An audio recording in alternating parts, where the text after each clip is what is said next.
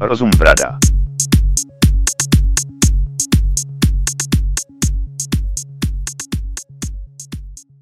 Těpic. Těpic. Vítáme vás u pátého dílu našeho pravidelného podcastu Rozum Brada. Já jsem Filip. Já jsem Lukáš. A dneska tady máme našeho speciálního hosta Tonyho a chceme si dneska povídat trochu o investicích a co by třeba lidi v našem věku, do čeho by měli investovat a jak přemýšlet o financích. Takže Tony, můžeš se nám nějak v krátkosti představit? My jsme vlastně s Tonym chodili na střední a známe se nějakou dobu a teď jsme se vlastně viděli po letech, takže je to tvoje. Uh, já jsem Tony Tran, pražský větnamec. Jak říkali kluci, už se známe nějakou dobu. Docela jsem se změnil a i kluci a jsem rád za to, že jsem byl pozván. a co jsi třeba vystudoval, protože to je i důvod, proč jsme si tě teďka pozvali do dílu, který je věnovaný investicím. Já jsem vystudoval VŠEčko, bankovnictví, pojišťovnictví. Měl jsem plán být bankéřem, ale není to tak slavný, jak se zdá. Tak teď pokračuju v dráze jako budoucí finanční poradce. no a jako budoucí finanční poradce, co bys doporučil lidem, který, kterým je přes 20 a začali třeba svoji první práci, mají nějaký kapitál už vydělaný a teďka přemýšlí o tom, do čeho vlastně investovat, protože teď je problém, že je obrovská inflace a nemáš třeba na hypotéku, nebo jsi ještě v tom věku, kdy to nemáš našetřeno, tak eh, jak tady o tom přemýšlet vůbec? To máš pravdu, Filipe, že inflace je obrovská a je to problém dnešní společnosti každého z nás. Dost často to lidi ani neřeší, ale když člověk pochopí jednou, že za rok chleb bude stát 40 korun, tak už se to asi chce, už to chce řešit. No. A jako nový dospělý mladý člověk přemýšlím o financích a celkem široko. Hm, hlavní je asi na začátku, aby člověk vůbec poznal, co má za výdaje, jaký má příjmy a udělal v tom nejdřív jasno, než začne investovat. Jakože si stanovíš nějaký, nějakou měsíční částku, kterou si na to vyhradíš na to investování, nebo že začneš nějakou jako inventurou těch svých uh, uh, výdajů, hmm. že například si řekneš, já vlastně asi nemusím dát 2000 měsíčně za cigára, hmm. místo toho to dám prostě do nějakého investičního fondu nebo... Hmm. Určitě, jako to je důležitá ta, ta, ta otázka vlastně, jak člověk zjistí, co vlastně, za co vlastně utrácí, že jo. Ty než pochopíš, za co utrácíš, tak ani nezjistíš, že utrácíš 2000 za cigarety třeba, že to hmm. můžou být třeba tři. A konec konců cigára jsou v pohodě, a taky kouřím, ale to je něco asi, co ti dlouhodobě nic dobrého moc nepřináší. A když člověk vlastně pochopí přesně, kam, kam mu zmizely peníze, tak se o tom může pořádně teprve rozmyslet, co s tím. Že? I co se týče hypotéky, jak říkal Filip, tak nejdřív, než to člověk vůbec začne řešit nějakou velkou půjčku, tak e, musí nejdřív pochopit vlastně, jestli na tu půjčku vůbec má. A důležitý je taky potom začít tu půjčku řešit dlouho předtím, než začne být dlužníkem. No a máš nějaký nástroj třeba, nebo jak vlastně zjistit, uh, jestli na to mám nebo nemám, nebo jaký ty peníze, uh, kolik můžu si odpustit a investovat to do něčeho. Jestli je nějaká metoda, mám si prostě tady sednout na zadek a mm. sepsat si to, jo, nebo se mám koukat, já se třeba koukám trochu do výpisu z karty, že jo, mm. protože nepoužívám moc hotovost, takže mm. tam se ti nějak kategorizuje, ne úplně dokonale, mm. ale můžeš mít nějaký jako přehledy, ale vím, že to není úplně ideální a taky třeba sám hledám nějaký nástroj, který by k tomu byl nějak jako lepší. Jo, určitě nástrojů je spousta. Existují přímo aplikace, co ti trackují, můžeš to tam zadávat ručně, anebo vyspělejší aplikace ti přímo napojí na bankovní účet a ty jenom doplníš určité detaily, za co jsi to utratil. Že?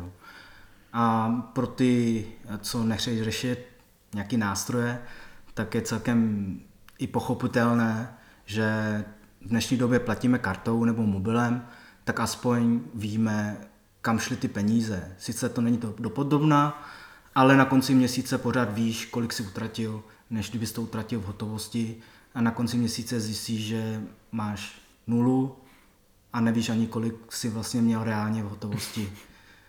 Takže eh, co se týče nástrojů, tak jako nej, nejprimitivnější asi nějaký spreadsheet, jo, Excel. Když člověk něco nakoupí, tak napíše, za kolik, mm, co, co utratil a za kolik. A určitě jsou aplikace na Google Play nebo Apple Store, co ti tohle trackuje. Jednoduše zadáváte do Google budget, budget apps nebo něco v tom smyslu a vyjede vám seznam. A používáš ty něco sám?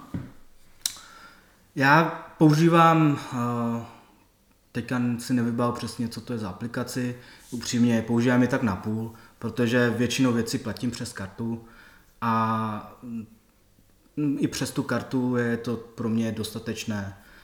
Já si ty věci vlastně dělím jakoby metodou do obálky, že jsou účty, rozpočty na něco jiného.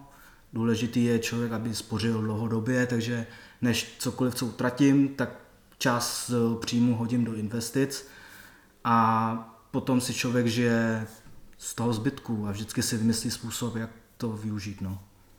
Jo, takže se prostě nějak jako sám omezovat, uh, abys měl ty peníze na ty další věci. Jestli to můžu takhle říct. No, tak jestli to chceš brát takhle, tak můžeš to tak brát. Zas na druhou stranu, proč si člověk dělá uh, schedule nebo nějaký diáře, že se zapisuje, tak tím neomezuje, ale vlastně má jistotu, že tu, ta svoboda někde bude. Že jo? Ty, ty vlastně, nikdo tě nenutí do toho se škrtit, ale ty si to zvolíš sám, vlastně jaký cíl chceš. Takže to je celkem o úhlu pohledu, podle mě. Mm-hmm. No a co jsou třeba ty investice, které by měly být pro, pro lidi zajímavé mm. v našem věku? Mm-hmm. Protože já třeba uh, vzhledem k tomu, že spořící účet, tak teď teda myslím si, že navýšili ten úrok, který z toho je, mm-hmm. nebo aspoň u Airbank, tak to bylo snad 0,7%, teď je to 1,5%. 1,5% a mhm. těch 0,7 už taky bylo navýšených, původně to bylo 0,1. Což je jako úplně výsměch, že jo. A ještě to tam nějak bylo rozdělené, že se to urč, uh, uročilo jinak do 150 tisíc. 250. Nebo 250, hmm. děkuji. A když si měl nad, tak si už dostával úplně jako... Čistou nulu. Čistá nula. No. Jako spořicí účet nebo běžný účet je, jak, tak jak přesně říkáte, totální výsměch. Jo. Když teďka bereme, že reálně máme nějakých 3 až 5% tohohle roku inflace, tak tím, že hodíte do spořicí účtu, určitě ani tu inflaci nepřibijete a už ne vůbec, že na tom nějak zbohatnete. No a když se ptáš, čím by člověk měl začít, tak bych asi začal tím, že si udělám nějakou rezervu na ty krajní případy. Když se vám třeba rozbije lednička nebo pračka, tak si nemusíte šáhat hned po úvěru. Doporučuje se tak 3 až 12 měsíců, záleží, jak moc, moc chcete být bezpeční.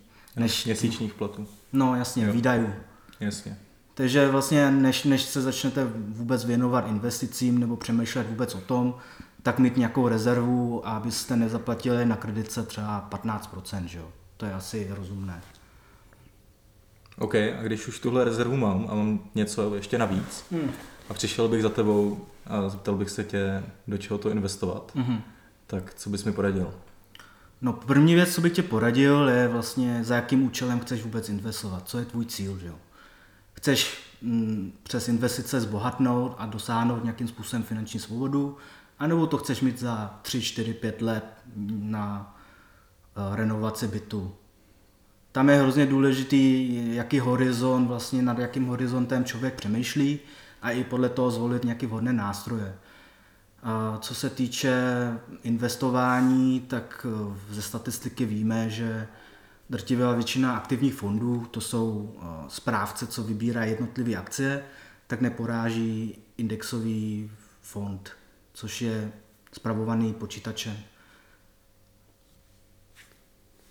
A, a počkej, a co je indexový fond, jako když jsem o tom vůbec nikdy neslyšel? No, indexový fond, to můžeš to můžeš eh, pochopit jako nástroj, eh, nebo je to indexový fond je zpravovaný počítačem, což co to znamená? To znamená, že počítač vyhodnotí podle nějakého algoritmu, třeba když vemu S&P 500, což je 500 největších firm amerických, tak počítač zhodnotí majetek vlastně uh, různých firm na trhu a vybere si 500 největších firm. S tím, že to dělá vlastně počítač, tak je spojený s tím i náklady údržby daného fondu. A náklady se pohybují velmi nízko. To je v porovnání s aktivním fondem, který má 3% běžně, tak se to pohybuje kolem 0,05 až 0,5. Asi, to asi nemusíš jako úplně střílet přesný číslo. No. Mě jenom zajímala ta definice. A... Jasný. OK, takže dobrý, mám nějaký peníze na investici, jsem mladý, vím, že řekněme, odražme se třeba od částky 20 tisíc. Mám tady 20 tisíc korun, který můžu investovat. Extra. Extra. Už si z toho odstranil všechny náklady, co máš pravidelně a náklady, co jednou za čas si dáš. Já nevím co. Jasně, jasně. Ne, nejsou to výdaje, co vím, že potřebuji platit nájem a takové mm-hmm. ty částky, které si jako nemůžeš odpustit, že jo. Mm. Mám tady 20 tisíc korun v obálce. Mm-hmm. Co bys, jako, co bych s tím měl dělat? Mám to dát na nějaký fond, mám investovat do akcí, kryptoměny, nevím, jako jo. Mm-hmm. No, jak jsme už o tom zmiňovali, že, tak asi ty určitě znáš své výdaje, tak první krok je udělat tu rezervu bezpečnostní, jak jsem o tom mluvil. A to už mám, ale. To už máš. Tím pádem se dostaneme k tomu vlastně, co chceš dělat, že jo? Tak budeme brát třeba příklad, že chceš dlouhodobě vlastně investovat, abys na tom nějak zbohatl a dosáhl finanční svobody. Tak eh, nejlepší nebo nejstabilnější a nejbezpečnější v dlouhodobém horizontu jsou akcie. Samozřejmě podle různých teorií efektivních portfolií, tak můžeš investovat i do dluhopisů anebo nějakým způsobem poměrově, aby se ty rizika rozdělily. A to je celkem v dlouhém horizontu, když investuješ, není třeba hned řešit, jestli bereme v potaz, že to je teďka kolik? 26. 26. Tak kdyby jsi investoval dlouhodobě, tak neexistoval v dlouhodobém horizontu uh, interval, který by vlastně by ztratil na akcích. A ty, ta, ten výnos toho, těch, těch akcí se pohybuje rozmezí 8 až 11% průměrně. Že jo? A když do toho započteme ještě nějaký složené úročení a tak, tak můžeme se na dlouhém horizontu dostat na celkem zajímavou částku. A tak když už jsme to u toho, tak se zeptám, máš tušení vlastně, kolik bys potřeboval zhruba, abys dosáhl tu svoje svobodu, anebo vlastně kolik bys potřeboval vůbec dosáhnout pasivního příjmu, abys jako nemusel pracovat. Případně tady natáčel se mnou podcast, jenom ze zábavy. Tak tyjo, řekněme, že bych potřeboval třeba 40 tisíc hmm. měsíčně, abych zaplatil nájem, zaplatil jídlo a měl ještě na nějakou tady takovou srandu kolem. Hmm. No, tak když vlastně bereme v potaz, že jestli akciové fondy vydělávají 9% a odstraníme průměrný, průměrnou inflaci nějaký 3%, tak bys vlastně potřeboval z toho udělat nějak 6% pravidelně, abys dlouhodobě vlastně měl nekonečnou rentu. Že? Hmm. Takže je vlastně celkem jednoduchý vypočítat no, 6% z toho, co potřebuji investovat, půjde na těch 40 tisíc. Takže 40 tisíc je 6%, trojčlenkou dostaneš se k nějakému číslu. Tuším, že to je nějakých Teďka jako nechci, nechci říkat nějaký přesný já, já číslo. to nevím to číslo. Já propočítal jsem tam 6 milion, 6 milion, pro jistotu 8, 10. Já tady vytáhnu kalkulačku v telefonu, to jsem... o který mi paní učitelka v první třídě říkala, že nebude existovat. To fakt nechápu, jako že... Jo no, to nám říkala učitelka, že proč to počítáš Lukáši? A říká, Nebo ne, proč to počítáš, ale budeš vždycky mít tu kalkulačku u sebe v sebe? kapse. Paní učitelko, v dnešní době už se bez kalkulačky v kapse nedostanu nikam. No a podívej se, kde jsme teďka, že jo. Hmm. Takže k jakým číslu se dostal? Můžeme to kde stopnout, jo. To asi stopni. Takže technologie nás nesklamala, ale ty neuronové spojení už byly trochu zrezlý. Takže jsme tady dali hlavy dohromady a za minutu jsme spočítali, že abyste měli měsíčně 40 tisíc a představilo to 6% výnosů, tak byste do toho museli narvat 8 milionů korun. Nebo nějakým způsobem získat 8 milionů. Nebo Potom se možná budeme bavit později. Po pár pivek. jakým způsobem získat 8 milionů. udělat banku třeba. Dobře, a co jsou teda ty nejlepší strategie, jak tady této částky dosáhnout? Je to ten fond indexový? Jsou to ty akcie? Nebo ty si říkal, že akcie jsou nejbezpečnější, že jo? No, nejbezpečnější rozhodně nejsou. Nebo nejméně, nejméně rizikový možná? Mm, Co se týče vlastně hodně, hodně muziky za málo peněz v dlouhodobém horizontu, tak vlastně ano, jestli investuješ minimálně tak 10 let, tak jestli to jde nahoru nebo dolů, tak v průměru máš zhruba těch 9, 8-9%, jak jsem ti říkal. A tam je celkem důležitý, jak moc si risk adverzní, že jo. Tak ty můžeš hodit do Bitcoinu a za rok bys to měl vyděláno a už můžeš být jako na pláži, já nevím, v Karibiku, v Karibiku že jo. Počkej, jak moc jsem co? Já jsem úplně... Risk averzní, takže jestli, jestli ti nevadí, že za rok ti může um, tvoje Jo, investi- risk averzní. Dobrý, dobrý. Jestli ti nevadí, že za rok ti tvoje investice může spadnout na půlku, tak samozřejmě můžeš hazardovat, můžeš jít do kasína a vydělat to do druhého dne, že jo? ale tam asi to není investování, když hazarduješ, což si jenom vybrat tu správnou strategii, respektive taktiku během ty strategie, jak z toho dosáhnout. Mhm, jasný, jasný. A OK, takže já třeba mám nějaký akcie, mám jich pár, Hmm. ale třeba mám Teslu, Mhm. pár akcí, nebo no, možná nějaký jako 0,4 akcie, nebo se takový. Tady fanoušek pana Maska.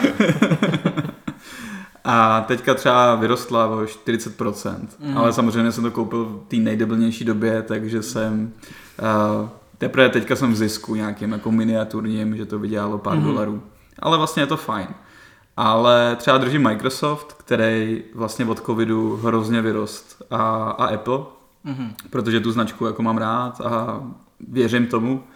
A teďka, jak představili ty nové čipy, tak to taky vyrostlo třeba o 20% akcie. Hmm, hmm. Jaký jsou, máš nějaký ty další typy, nebo investuješ ty vůbec do akcí? Je to pro tebe zajímavý? To, co říkáš ty vlastně, že investuješ do Tesly, Microsoftu, tak tomu se říká stock picking, že jo. To je, že si vybereš prostě, že sázíš na jednoho koně. A ano, ten kůň může doběhnout k cíli první a vyhraješ na tom velice, anebo prostě nedoběhne a prohraješ na tom, že jo. A co se týče vlastně eh, stock pickingu nebo vybrat si správného koně, tak kolem toho je taky celá teorie. Můžeš to zjistit fundamentálně podle výroční zprávy dané společnosti a nějakým způsobem odhadnout podle managementu, jak moc jsou spolehliví a jak moc tomu brandu věříš. Ale rozhodně to, to, co děláš ty, je, že třeba u toho Apple si říkáš, že tomu věříš, že jsi jejich fanouškem, tak máš odzkoušený produkty a víš, že tam nějaká kvalita je. To je rozumné. To je jako, mě měl bys investovat do něčeho, co nerozumíš. Jo? Hmm. A když používáš Apple, tak tomu rozumíš, tak je to vlastně lepší, než kdybys investoval do něčeho, čemu vůbec jako nerozumíš.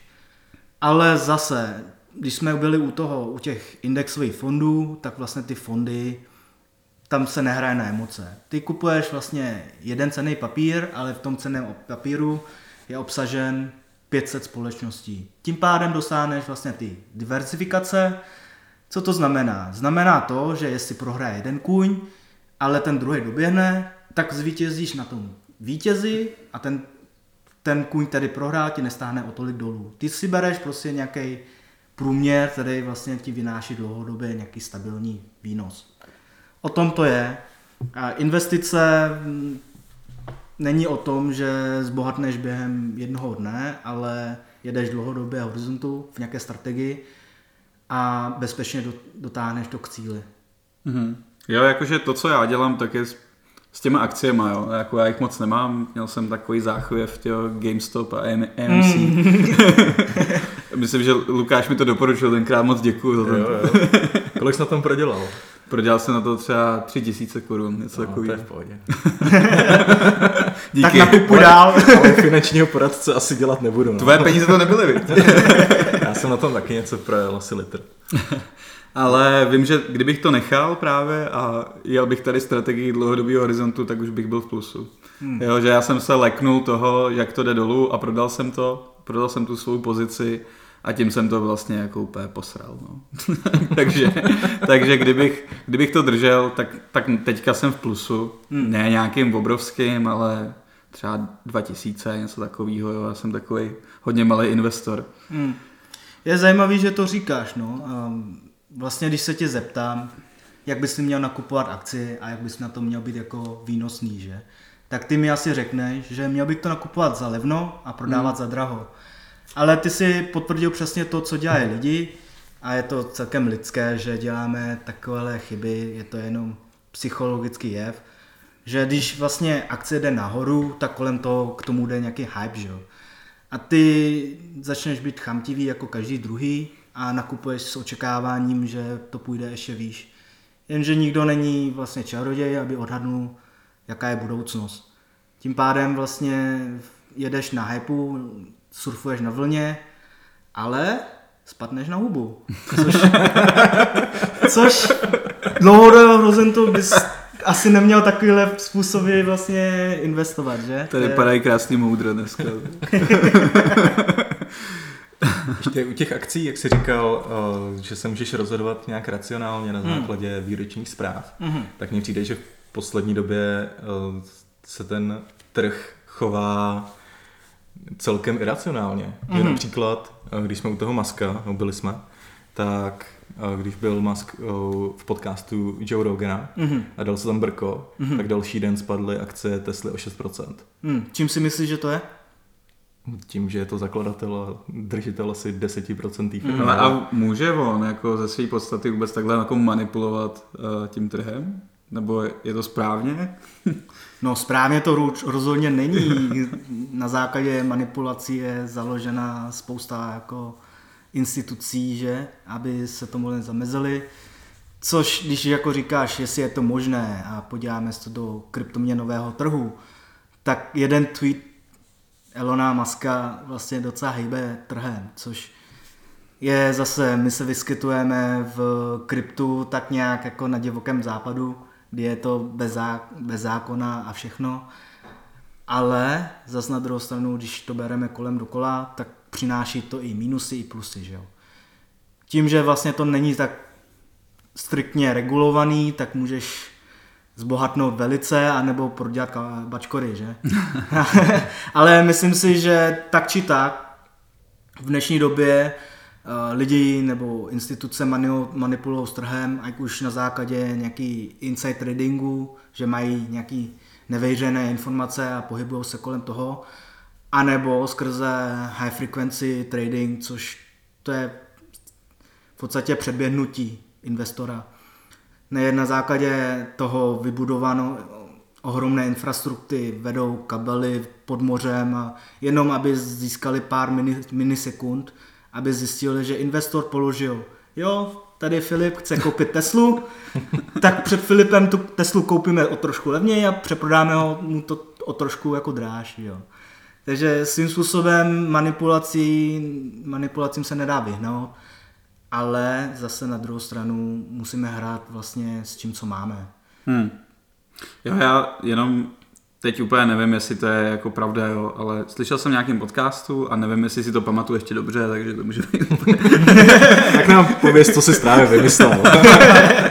no ne, že, že v podstatě Elonovi zakázali manipulovat s těma akciema Tesly, jako typu, že dá si brko u, u Johna Rogena a pak tam začne říkat nějaký jako vize Tesly do budoucnosti a nějaký plány, který má. On mu v podstatě jako říkal, o nějakém svém produktu, co má, jako jak to plánuje prosadit Mhm. a tím pádem to vyhnal nahoru ty akcie. Mhm, mhm. A takže mu tohle zakázali, takže on se, se teďka přesunul na to krypto, Mhm. že uh, právě hypuje ten Dogecoin nebo Shiba Inu teďka aktuálně asi. Takže Bajnu úplně podělal. Protože na Twitteru se ho někdo zeptal, jestli to drží a on řekl, že ne a nikdy nebude. A na základě tohohle tweetu to kleslo asi o 10%. Je to věrný investor Dogecoinu. No ale jako je vtipný, že jeden člověk, nějaká jako, dejme tomu, autorita, lomeno celebrita, jako dokáže takhle hrozně jako hejbat trhem, že. A ty se tomu divíš? No jako nedivím, Když si veme, že Jeff Bezos, zakladatel Amazonu, nejbohatší člověk momentálně, se rozhodne, že chce vlastně do vesmíru, tak si prostě tu věc udělá, víš jak. Takže na základě toho, že to je jenom jeden člověk, bych nesoudil, že nemá takovou moc.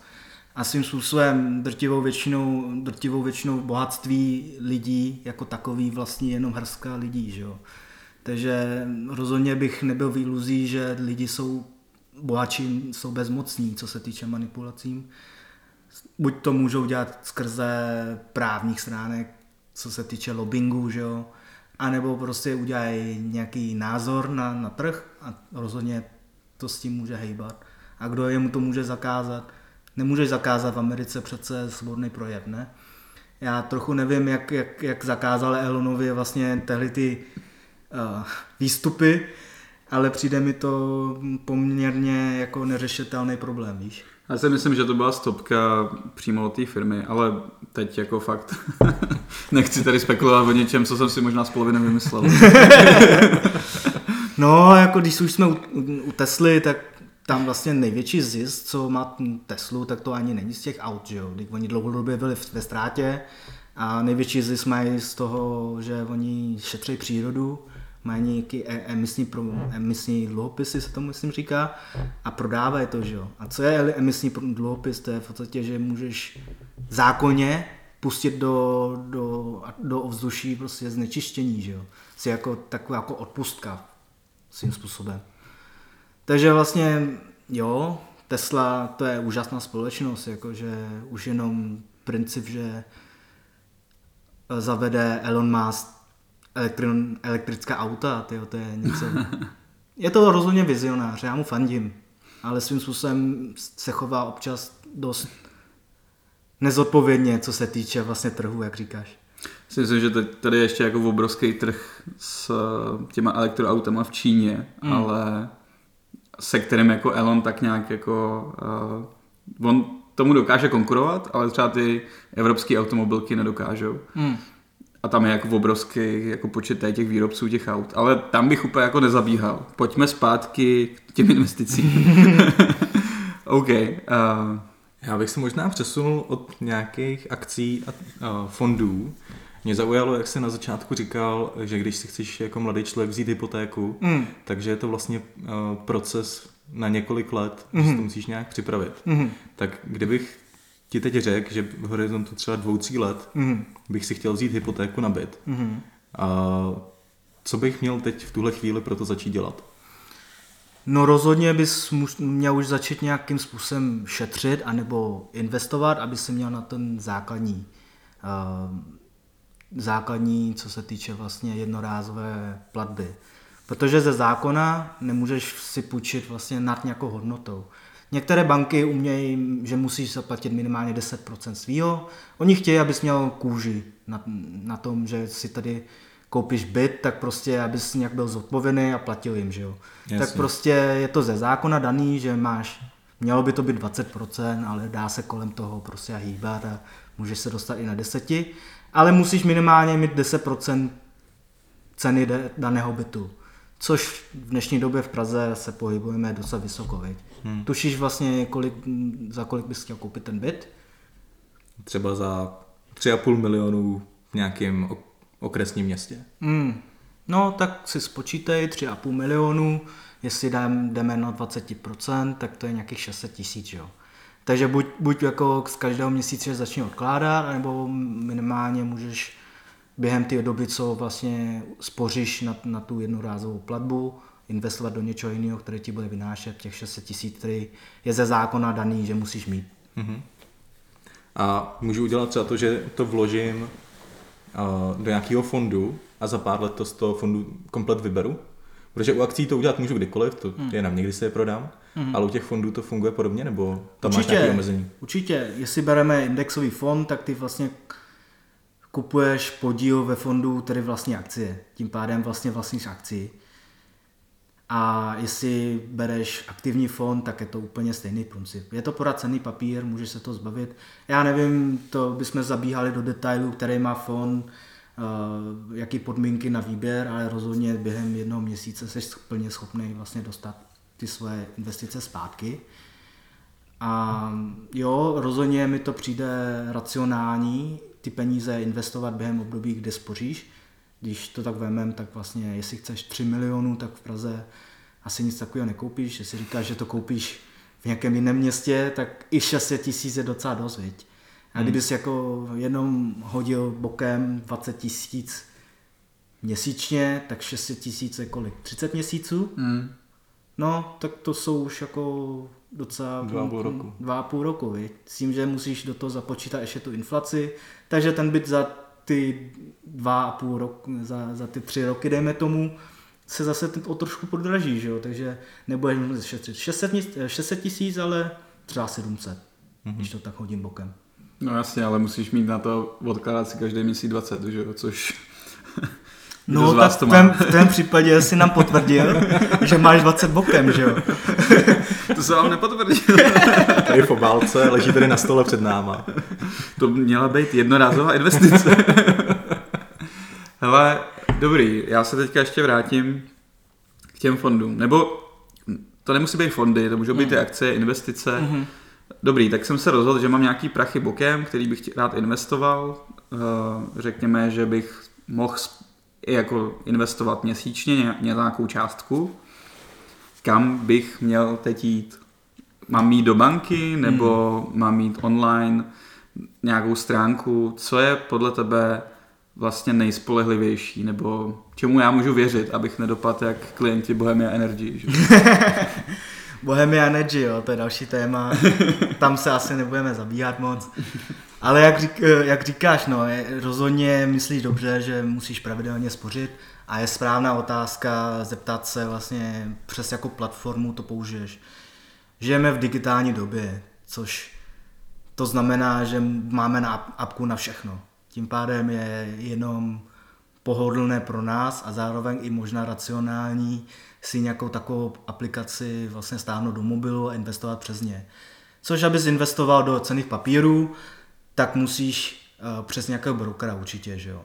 Tak co je známý, Robinhood, jo, XTB, a nebo, co bych tě možná doporučil, uh, jsou takové platformy, co využívají přímo roboty k investici, což co to znamená, roboti investují za tebe, ty tam pošleš peníze, nastavíš si tam nějakou strategii a oni to udělají za tebe, což strategie jsou různá, že jo. Ty, ty můžeš spekulovat víc, anebo můžeš jít jako bezpečněji, což oni ti tam vždycky nějakým způsobem popíšou. Jedním z, jednou z takovou platformou je třeba Portu, jestli znáš. Mm. A ty investuješ na, na tom, nebo ne? Ne, tak já mm, vlastně investuju sám, abych jo, si ušetřil okay. na nákladech. I ty náklady se složeně úročí, že jo? tak je to, když si řekne 1%, může se ti to zdát málo, ale v dlouhodobém horizontu to můžou být 100 tisíce až pár milionů, že jo? takže rozhodně jako dle vlastní, vlastního průzkumu uh, jsem došel k názoru, že třeba XTB si nakoupíš ETF, což jsou ty indexové fondy, tak nevybírají žádné poplatky. Zase mm-hmm. chce to trochu se v tom vyznat a rozhodně jsou jednodušší způsoby, jak, jak si ty indexy nebo cenné papíry pořídit. Mm-hmm. A kolik času nad tím strávíš týdně třeba? Mm-hmm. Jako nad tím uvažováním, co do čeho investovat, nebo toho portfolia. Jo, okay. Uh, moc ne, upřímně tak zhruba hoďku dvě měsíčně, protože už mám jasně danou strategii a měsíčně si bokem odložím nějaké peníze a jenom kupuju podle té strategie, že jo. Tady je možná asi docela dobrý, eh, dobrou připomínku rebalancování. Co znamená rebalancování? Znamená to, že jestli máš portfolio, dejme tomu 60% akcí, 40% dluhopisu a po nějaké době, rok, dva, deset let, zjistíš, že vlastně akcie, akcím se dá říct docela dobře, víš, tak najednou máš v portfoliu 70% akcí, cenově, že jo, a už jenom 30% dluhopisů. Takže jestli nejseš tady Filip a ne, nenakupuješ vysoko a prodáváš za nízko, tak co to znamená pro tebe? Znamená to, že akcie šly nahoru. Tím pádem jsou buď nadhodnocený, anebo, nebo prostě je tam dlouhodobě nějaká stabilita, ale pravděpodobně to je tím, to, to znamená, že akcie jsou nadhodnocený. Racionálně bys ten přebytek měl prodat, získat si vlastně, tím, že to prodáš, že to je vlastně nad tou cenou, tak si prodal na, vysoko, na, na vysoké ceně a nakoupíš co to, to druhé, což jsou třeba ty dluhopisy, které jsou podhodnocené a tím vybalancuješ vlastně to portfolio. Mm-hmm. Ideálně se říká, že bys to měl dělat jednou do půl roka nebo do, do jednoho roka. Což na druhou stranu tam je důležité změnit taky otázka daně. Že jo? V Česku máme, že když investuješ do cenných papírů jako akcí, tak musíš to držet minimálně tři roky, aby z toho nemusel zase zaplatit na daních. Ale to jsou zase další technické věci. Můžeš zase různými způsoby rebalancovat. Nemusíš to prodat, ale můžeš eh, tím svým přebytkem těch 20 tisíc, co má tady Filip bokem, dokoupit ty levnější dluhopisy, aby si vyvážel vlastně to portfolio. Já jsem to teďka nedávno studoval a doufám, že to neřeknu špatně. Uh, právě jak jsi říkal, že to musíš držet tři roky, hmm. myslím, že to v minulosti bylo pět hmm. a že se to snižovalo na tři, ale podle mě by to mělo být i míň, jo. Ale ještě je tam jedna strategie, že to, když ti to vynese méně jak 100 tisíc korun za rok, ano. tak to nedaníš taky. To je správná připomínka. Do 100, do, do 100 tisíc vlastně je tam odpuštěno, osvobozeno od daní. To máš pravdu. Což eh, jo, asi když začínáme, tak to je vlastně docela dobrá podmínka. Zase v Česku oproti Americe jsme docela pozadu, protože v Americe máš eh, Roth IRA, což je účet, který je, do, do čeho investuješ už jako z, ze zdaněných prostředků a tím pádem vlastně už, už si zaplatil na daních ty peníze a to jsou to je čisté peníze, hodíš do toho účtu, tak neplatíš z toho nikdy nic. Mm-hmm. Takže ty lidi si na základě tohohle účtu můžou vlastně štolichat jak chtějí, což je velká výhoda, kterou takový luxus zatím v Česku nemáme. Což doufám, že jednou se to nějak zavede. Třeba nová vláda. Hele, jak se, to mě teďka připomnělo, protože vím, že, že ex-ministrině už skoro. Mm-hmm. Paní Šilerová hodně propagovala kupování dluhopisů jako na Vánoce a, mm. a takhle. Jak se díváš na český státní dluhopisy? České státní dluhopisy jsou, patří rozhodně mezi nejkvalitnějšími dluhopisy, co na světě vůbec existuje.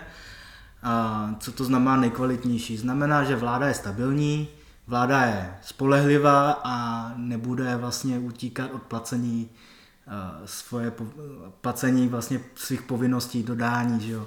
Takže není to jako Řecko, který si mm, vlastně prodali své dluhopisy a pak jako na defaultu na tom prodělali hrozně moc lidí, že jo. Takže jo, je, je to rozhodně bezpečnější varianta, ale zase, když bereme v potaz, že je to bezpečné, tak to znamená, že nemusí to být zase tak výnosné. Mm-hmm. Když si vezmeme, tak mm, existuje tam takzvané investiční trojuhelník, že jo? jestli máš likviditu, bezpečnost, jako, jako jestli je to vlastně bezpečná investice, že na tom neproděláš kahoty a poslední je výnos. Tak si vždycky vybereš dvou z nich. Takže buď jako je to likvidní, to znamená, že si to můžeš přeměnit na, na peníze, mm-hmm. které utratíš hned, tak si vybereš buď, že to je bezpečný, tak ztratíš ten výnos, bude to méně výnosný, anebo si vybereš výnos a tím pádem zase něco ztratíš na tom. To je zajímavé, to jsem neznal třeba. Hmm. To je celkem základní koncept, že máš investiční trojhelník. A... tak já, já jsem, jsem taky neznal. Já jsem tom novej. jo, tak, eh, tak Taky jsem to neznal, no. Člověk dojde k tomu časem. Taky byly věci, co jsem neznal. Kdysi dávno. Já jenom vím, že mě tam jako zaujal v těch českých dluhopisech a přemýšlel jsem o tom, že ho koupím, ten protiinflační, Hmm. který v podstatě ten zisk máš eh, podle toho, jaká je teďka aktuální inflace. Mhm. Takže jsem si říkal, že by to mohlo třeba hodit jako 6% ročně, že jo. Což by. Včetně in- inflací. No, to je, se odvíjí od, od té inflace, jaká Jasně. je, tak podle toho máš ten výnos, Hmm. takže jako by tam ten úrok mohl být zajímavý. Ale 6%. Hm? vlastně jako nedostal jsem se k tomu, že bych to reálně koupil, protože Mhm. je to docela složitý, a, nebo složitý. Nemáš na to aplikaci. Jasně. Jež, pardon. Můžou předělat e-roušku třeba. No a teďka, když jsme u těch aplikací, jo, jako ty si říkal, že je teďka hodně těch platform, který to nějak jako dovedou a žijeme v digitální době. Nebojíš se toho, že třeba jednou tu, tu aplikaci můžou smazat, tyjo, skončí to a ty se nedovoláš na nějakou infolinku, protože to není ten kamenný barák, který je někde v centru. No, rozhodně to problém může být. Mm, Nicméně ty platformy většinou mají nějaké pojištění s tím a taky fungují už nějakou dobu, tak je na tobě, aby si zvolil vlastně něco, co je bezpečné. Že jo? Ty v investicích bys měl dělat vlastně vlastní research, že jo? vlastní výzkum a racionálně, racionálně se nějak rozhodovat podle toho, jak moc... Samozřejmě s bezpečností jde zase vyšší náklady. Ty Hmm. si můžeš založit investiční účet u například Fiobanky a tím, že Fiobanka je banka, tak to máš bezpečnější a je celkem málo pravděpodobné, že za chvilku zmizí z trhu a ty zůstaneš na ulici. Ale zase na druhou stranu, když uh, bereme uh, v potaz Fiobanku, tak ta třeba má hodně co nabídnout, ale zase na nákladech zaplatíš víc za tu bezpečí, že? Takže je to zase jako ten trouhelník, nebo já si to tak představuju, že buď Hmm. jako si vybereš to bezpečí, anebo to, že to je levnější. Vždycky je to za ně, něco za něco. No, no. jasně. Hm. Jo, ok.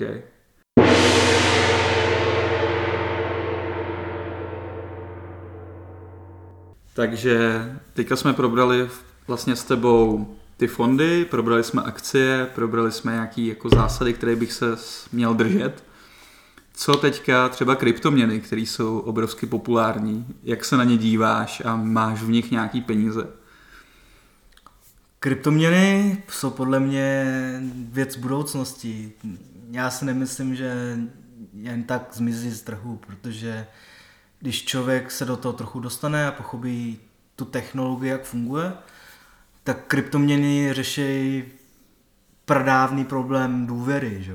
Že odstraní prostředníka skrze algoritmu a počítače jako takové. Takže jsou to rozhodně důležité věci, co by člověk měl se o to trochu víc zajímat. No. Zas na druhou stranu, jestli se zajímáš vlastně, jestli teďka vodná doba investování do krypta, nikdo neví. Nikdo neví.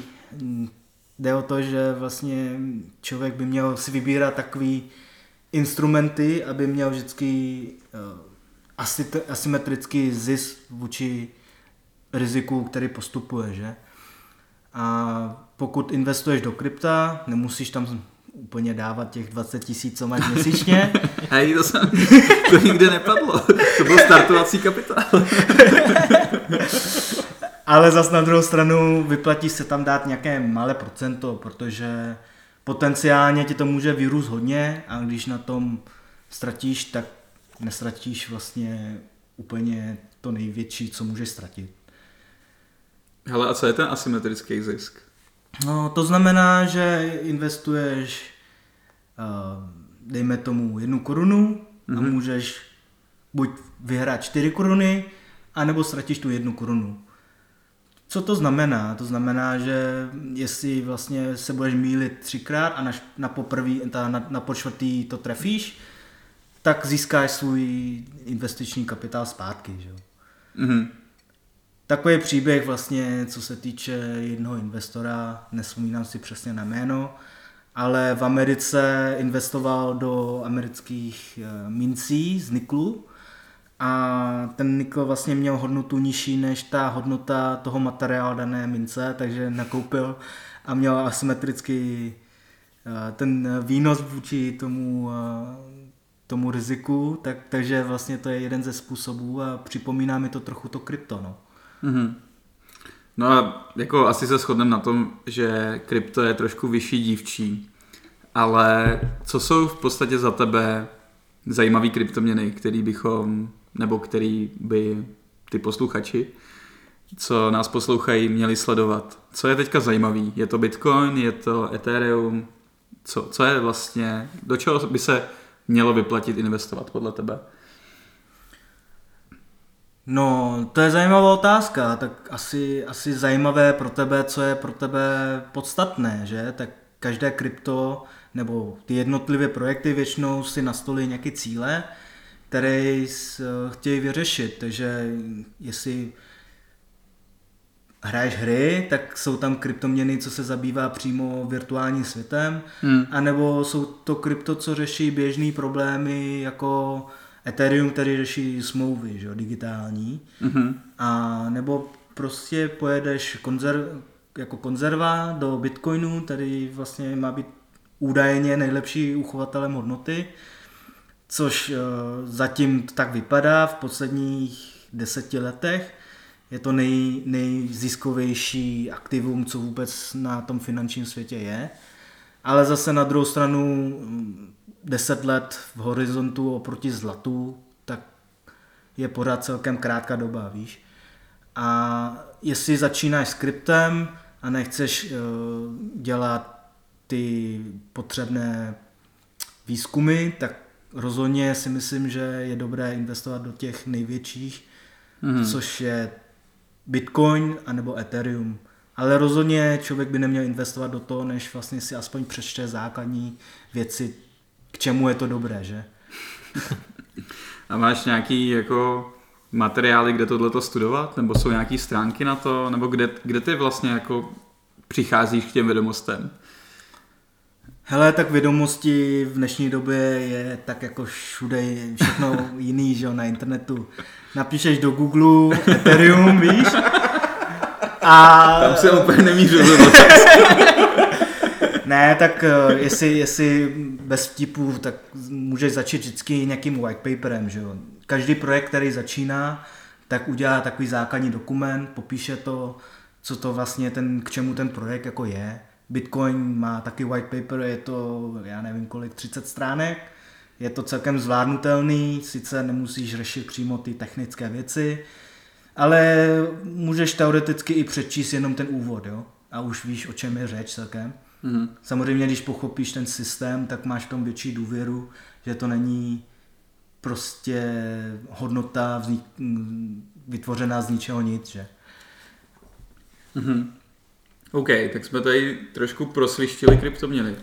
Ale kdybychom měli ty témata nějak teďka seřadit, nebo do čeho ty bys investoval, nebo jak bys si seřadil to portfolio? Jsme, my jsme tady vycházeli s nějakou částkou hmm. mých 20 tisíc. Hmm Můžeš to nějak jako poměrově rozdělit?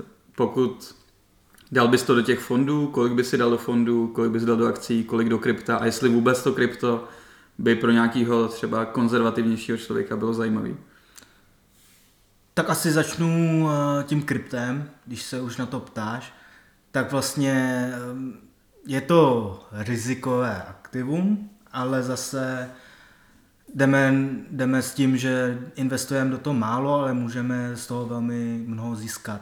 Mm-hmm. Takže když se ptáš ideálně roz, uh, rozvržení toho portfolia, tak určitě bych jako mladý člověk do toho zahrnul minim, aspoň část tvého portfolia, s tím, že ty jako mladý člověk můžeš uh, nabrat na sebe větší vlastně riziko, to, že vlastně ztratíš nějaký procenta tvého portfolia ti konec konců jako mladý člověk úplně nezničí, než vlastně člověk, co je těsně před penzí a vždycky si ty peníze nějakým způsobem zpátky vyděláš. Tím pádem vlastně postupujeme to riziko, že můžeme akorát vyhrát, že jo. Mm-hmm. A jo, tak jako jestli chceš po mně nějaký krátké schrnutí, tak asi by člověk měl začít nejdřív tím, tím trackováním financí, zjišťování, kolik má výdejů, kolik má příjmů, od, uh, kam to všude proudí a nedá se to nějakým způsobem optimalizovat, aby třeba uh, ušetřil na něčem, na čem by mohl nakonec vlastně získat uh, extra peníze do investování. Druhý krok, uh, mít nějakou rezervu bezpečnostní, 3-6 měsíců podle toho, jak moc, jste, jak se moc na to cítíte. Zase musíte brát v totaz, že tři měsíce vyjde, nemusí pokrýt uh, riziko, že se vám rozbije zároveň pračka a zároveň lednice, že jo. takže, takže záleží, jak moc jste konzervativní.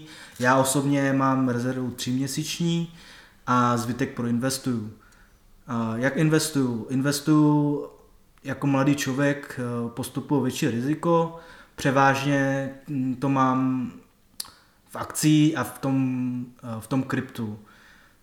Um, rozhodně to není špatný, že by člověk i investoval do dluhopisu a dokonce i moderní teorie říká, že pokud eh, nějakým způsobem investuješ do akcí a dluhopisu zároveň, tak dosáhneš i toho, že bude to bezpečnější a v dlouhém hrozím to i ti to vynáší víc, protože diverzikuješ zase to riziko ale zase tak to nehrotím a spíš jedu na, na, na, na to riziko, takže já osobně mám 60% v akcích a 40% v kryptu.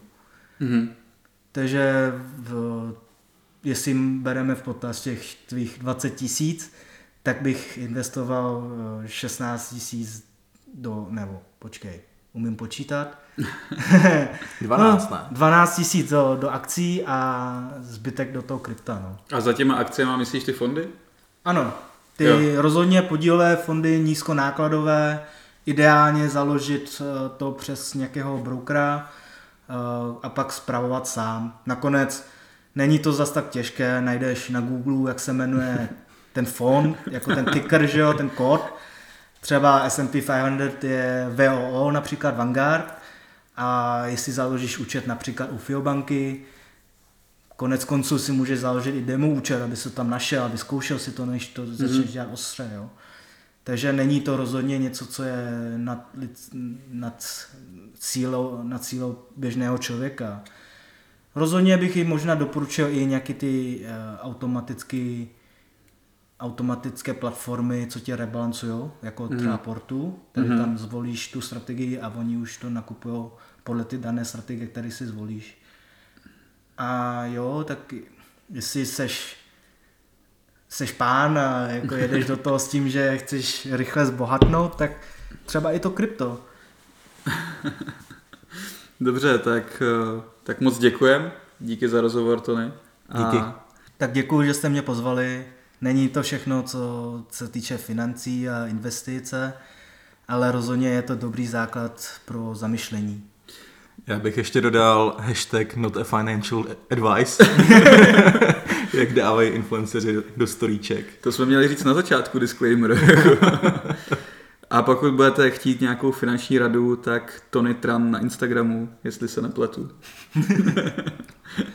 Budoucí finanční poradce k vašim službám.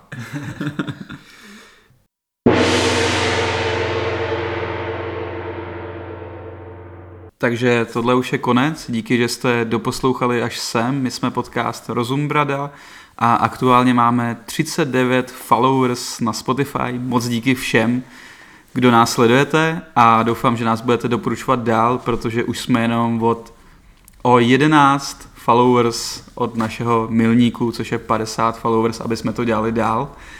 A Lukáš vám chce něco zásadního sdělit. Patreon pořád nemáme. jako každý díl, ale připravujeme si nějaký uh, předměty pro naše věrný fanoušky. Ty nejvěrnější z vás budou mít možnost koupit si něco, co souvisí s naším podcastem. Teďka to připravujeme, příští díl by to mělo být ready a představíme vám, o co se jedná.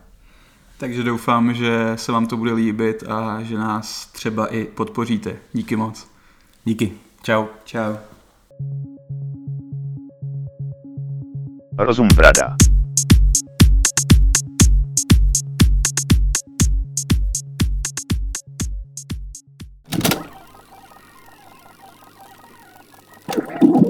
Jak chceš? Já bych udělal rovnou ten úvod, tak Tak si můžu do toho kecat. můžeš.